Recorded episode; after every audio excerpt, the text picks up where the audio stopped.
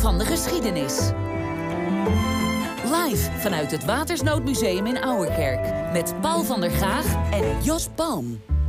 Ja, u hoort het al live vanuit het Watersnoodmuseum in Ouwerkerk, Zeeland.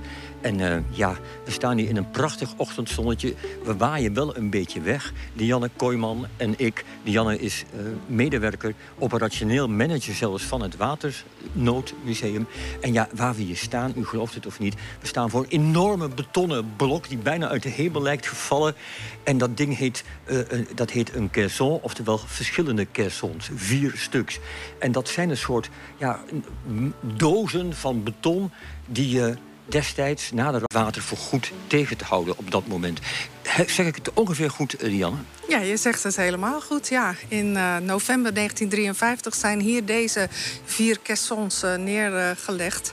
En werd daarmee het laatste gat van de dijk gesloten. Ja, je zegt het zo mooi, hè? neergelegd. Alsof iemand het onder de arm nam en dacht... nou, we leggen het even hier neer. Maar die dingen zijn, nou, weet ik veel... zes meter hoog, vier meter breed. Het zijn gevaarten. Waar kwamen ze vandaan? Nou, ze kwamen uit Engeland en ze zijn om precies te zijn 60 meter lang en 20 meter hoog en Juist. 20 meter breed. Dus uh, er zit ook een groot deel nog onder de grond. En ze kwamen uit Engeland, want ze, ze zijn uh, in uh, 1944 door, in opdracht van Churchill gebouwd. Om gebruikt te worden bij de landing van Normandië door de geallieerden als golfbreker. En Engeland had ze niet allemaal nodig. En in 1945 had Nederland er al een paar gebruikt hier op Walcheren. Dus toen hebben ze in 53 er weer een paar laten komen. En hier zijn er dus inderdaad vier afgesloten. En in 2001 hebben wij er één uh, uitgegraven, deels.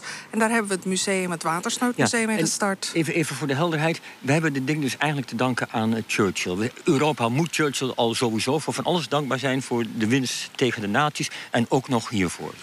Nou, hij heeft ze in ieder geval laten bouwen. Ja. Hij heeft ze niet weggegeven overigens in Oh nee, wat kostte ze? Ze kostten 80.000 gulden. Dus dat was best uh, heel prijzig okay, in die dan, tijd. Dan wordt het, dit wordt alweer minder. Het wordt alweer, dit is geen pluspuntje voor Engeland en Churchill. Nee, maar goed, het, uh, uh, het was in ieder geval heel erg nuttig. En het dijkgat kon daarmee gesloten worden. En wij hebben het nu ingericht als watersnoodmuseum. Ja, ja, het is een prachtig museum. Daar gaan we straks nog iets uit zien. Maar e even nog, om het even af te maken...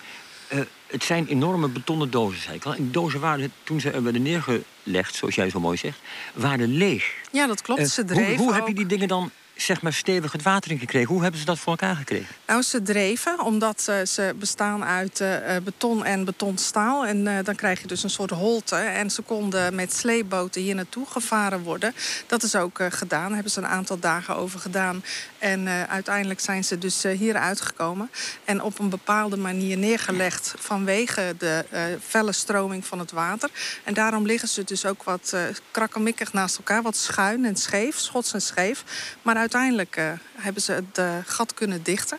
En nu uh, zijn ze onderling met elkaar verbonden tot het museum. Ja. Ze, ze, hebben die dingen toen volgegooid met kleine losse steentjes, geloof ik. Ja, ja, grotendeels. Ja, dat, is, uh, dat is juist. En uh, een deel bleef boven de grond liggen. En omdat er een nieuwe dijk is gelegd hiervoor, een nieuwe zeg maar zeewerende dijk, zijn ze uiteindelijk niet meer bedekt met de aarde. En bleven ze hier als een soort litteken in het landschap liggen. Mooier dan dat kunnen we niet eindigen. Een litteken in het landschap, opdat we niet vergeten, om het maar even plastic te zeggen. Paul, het woord is